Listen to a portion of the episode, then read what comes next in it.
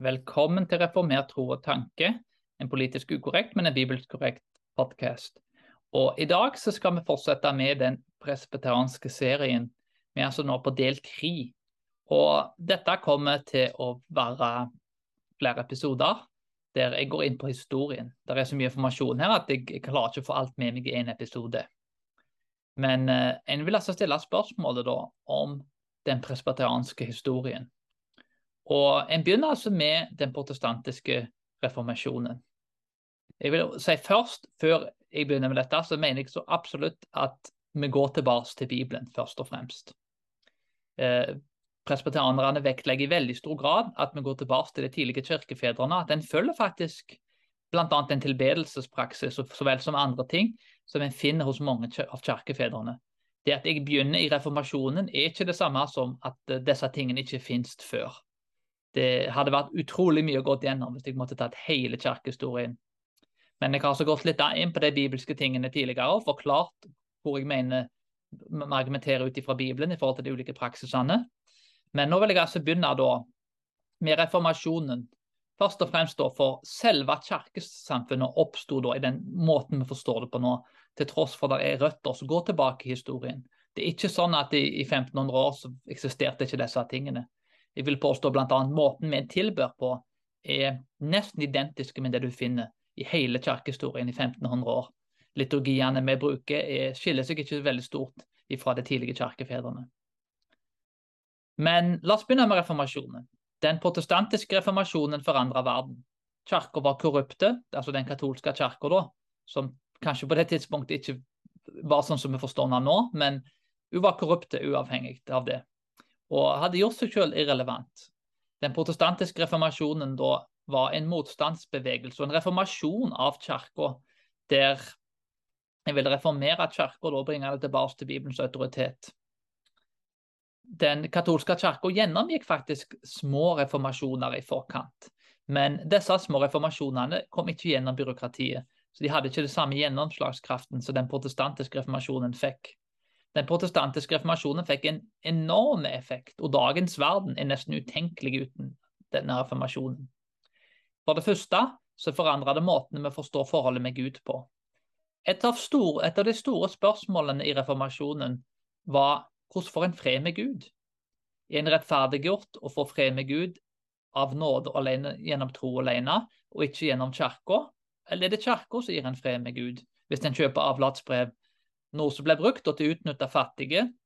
Og når dette ble avvikla, så ble pengepungen til den katolske kirka i stor grad ødelagt. Det andre var at kapitalismen som vokste frem etter reformasjonen, ble mye mer omsorgsfull pga. protestantismen.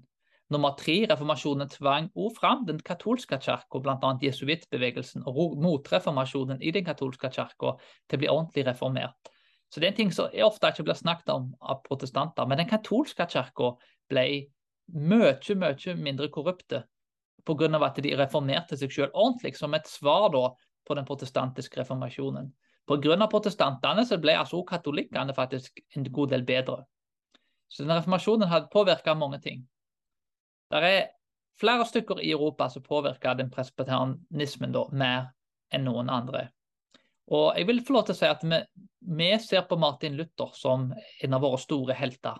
Og i det presbeteranske miljøet så er Martin Luther mange som har et veldig høyt syn på han. Og Favorittboken til mange reformerte presbeteranere er faktisk Den trellbundne vilje, The Bondage of the Will, som Luther sjøl sa var den viktigste boka han skrev utenom katekismen til barn. Så Luthers egen bok som han mente var en nøkkelbok for omtrent alt han gjorde. Hele, mente, hele reformasjonen hvilte faktisk på innhold i den boken. Dette er en bok som vi har et veldig høyt syn på, og er generelt sett veldig glad i Luther. Og jeg har blitt fortalt av noen lutheranere at jeg er jo mer lutherske enn en de som lutheranere er. Og nå er det ikke sånn at vi skal være lutherske eller reformerte eller presbyterianske, vi ønsker å være bibelske.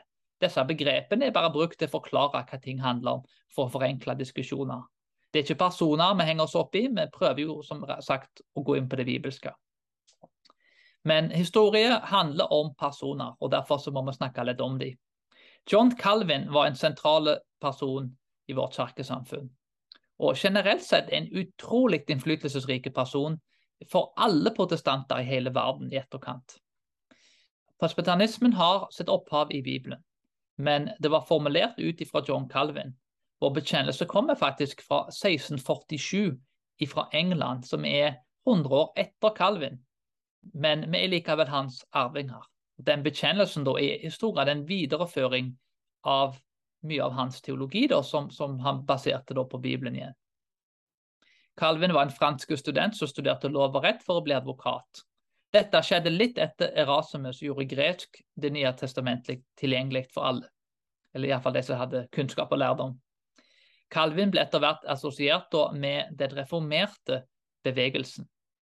Han flykta fra Basel i 1535 for å unngå forfølgelse.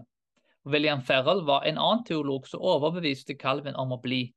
Calvin publiserte da The Institute of the Christian Religion i 1535, som da var regnet som det viktigste verket som, som, han skrev. Og et verk som har også hatt en kolossal påvirkning på egentlig hele Europa og verden i etterkant.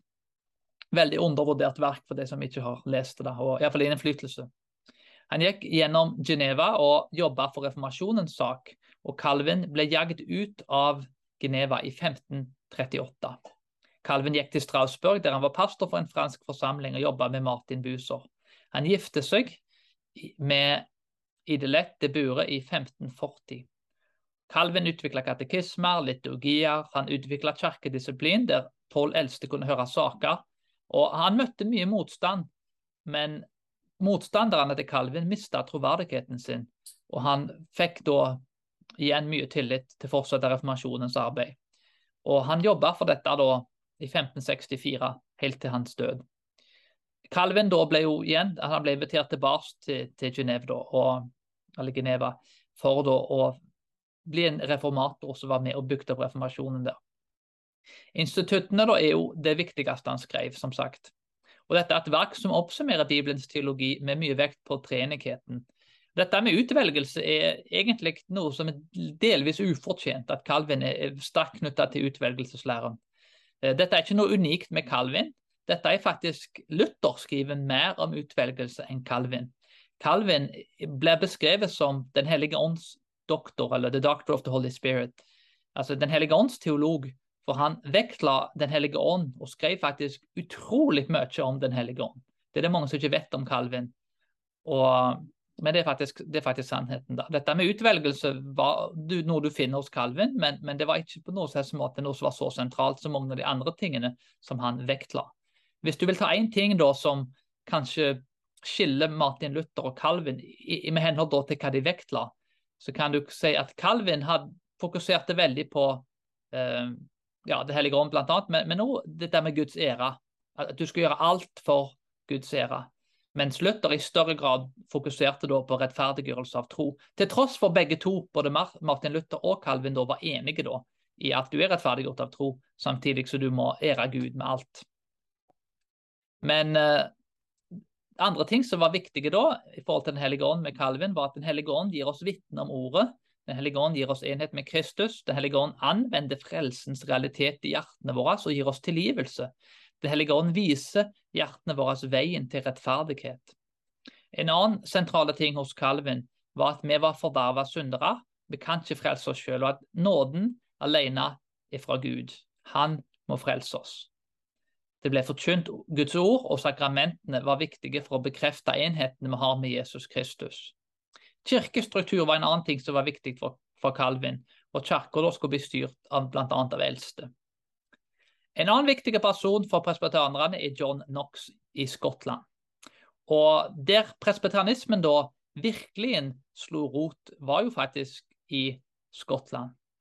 Presbyterianismen da En kan gjerne si da at uh, den reformerte kirke, da, som det ofte ble kalt, var jo en kirke som slo rot i Sveits, i Nederland, eh, i Irland, kanskje mest Nord-Irland, eh, og i stor grad i England og i Amerika eh, senere, da. Det var litt i etterkant. Men Skottland var faktisk landet da, som faktisk ble da kanskje det, kanskje det mest presbyterianske landet. For Skottland har jo da en presbyteriansk nasjonale kirke, har iallfall hatt lenge. Og Det ble altså da et et, et presbyteriansk land. Den lutherske troen fikk jo da rom i, i, Tyskland og Skandinavia, mens anglikanerne i større grad i England og de engelske koloniene. Men i Skottland så var det altså John Knox, da, som var født i Haddington i 1513, som var en viktig person her. Han studerte ved St. Andrews, og han var veldig politisk og teologisk involvert i ung alder. Han var privatlærer i 1544, og John Knox ble påvirket av George Wishart, en forkynner med St. Andrews. John Knox ble fanga i etterkant og ble en slave på et skip, og han rømte til England etter hvert. Han hjalp faktisk til å revisere den kjente bønneboken i, hos anglikanerne, Book of Common Prayer, men i 1530, 1553 gikk han til Geneva. Og han var jo veldig inspirert av Calvin. Calvin var læremesteren til John Knox. Og han hadde veldig stor fokus på Det gamle testamentet. John Knox kom tilbake i Skottland i 1555, en kort periode, men måtte rømme igjen fordi han ble forfulgt. Og det var farlig å være reformator på denne tida. John Knox gikk tilbake til Skottland i 1559, der han ledet reformasjonspartiet i Skottland. Han skrev The Scots Confession i 1560, som oppsummerer hans teologi fram til Westminster Assembly i 1647. Han skrev The First Book of Discipline og Book of Common Order. Knox argumenterte mot dronning Mary og tvang henne av tronen da i 1567. Punktene mellom Calvin og Knox er jo forholdsvis like. Nummer én fokus på arvesynd. Nummer to en trenger frelse i Kristus. Nummer tre regenerering og kall av Den hellige ånd. Nummer fire forkynnelse av ord, forvaltning og sakrament. Nummer fem Knox la til at kirkedisiplin, som var kirka sitt tredje merke for en sunn kirke. Etter Knox sin død i 1572 så ble enheten mellom krona og kirka ferdig.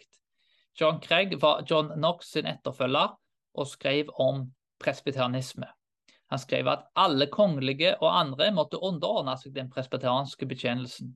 Når Skottland og England ble forent, så prøvde Charles den første å etablere anglikansk praksis i Skottland. Men skotske, det som kalte The Covenanters, altså paktsfolkene, de bekreftet noe som heter The National Covenant i 1638, og de ble veldig hardt forfulgt. Men til slutt så inngått, gikk det et kompromiss i 1643 som gjorde at begge partiene da i stor grad klarte å komme til en viss enighet om felles doktrine, tilbedelse og kirkestyre. Da går vi videre til General, sorry, Westminster Assembly. Kong Charles den første i England var, eller Storbritannia som det ble kalt da, i stor grad. Eh, ikke helt den samme fordelingen som nå. Han var tvunget til å be parlamentet til samles når den skotske hæren marsjerte til England. Parlamentet ville reformere kirka. Det var vanskelig for England og Skottland å bli enige om en felles bekjennelse. Westminster tok 27 måneder for å bli ferdig, da både skotter og engelskmenn godkjente denne bekjennelsen.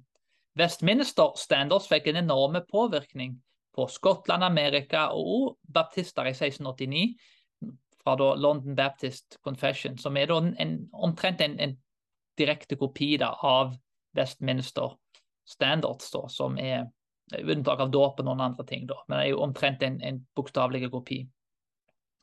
Det er regna av presbyterianere og mange andre til å være altså Westminster Standards, da, som er bekjennelsen. Altså det er katekismer, liten og stor katekisme, og så en bekjennelse med 33 kapitler. Den er regna som den beste oppsummeringen av Bibelens og reformasjonens teologi da, av de fleste presbyterianere. De som ikke er presbyterianere, vil jo sikkert være uenig i det. Men den er så god at den blir brukt en dag i dag over hele verden. Og Det er ikke bare europeere som bruker denne. Denne blir jo mer brukt i Amerika. Den blir også brukt i store deler av Asia. Den presbyterianske kirka er, er, veldig stor i mange asiatiske land. Og Dette er en bekjennelse som blir brukt der òg. Så denne bekjennelsen er så god og så tidløs at den, ja, den blir brukt i mange ulike kulturer rundt omkring i hele verden. Og Det er den bekjennelsen som vi bruker, som vi mener er veldig bra. Eh, derimot så skal det sies at denne bekjennelsen blir jo forandra hvis det er noe som blir feil. Det er jo Bibelen som er den endelige autoriteten, og ikke bekjennelsen. Og det var alt om det for i dag. Da har vi sett på reformasjonen og den presbyterianske delen da, av reformasjonen.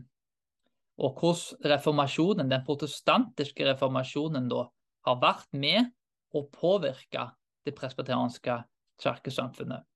I neste del så skal vi altså gå videre, og da skal vi begynne å gå inn på amerikansk presbyterianisme. Og forhåpentligvis så vil du få et større innblikk og forståelse i historien til den presbeteranske kirka, og hvordan den har vært med å påvirke andre ting. Det var alt for i dag. Vi snakkes snart.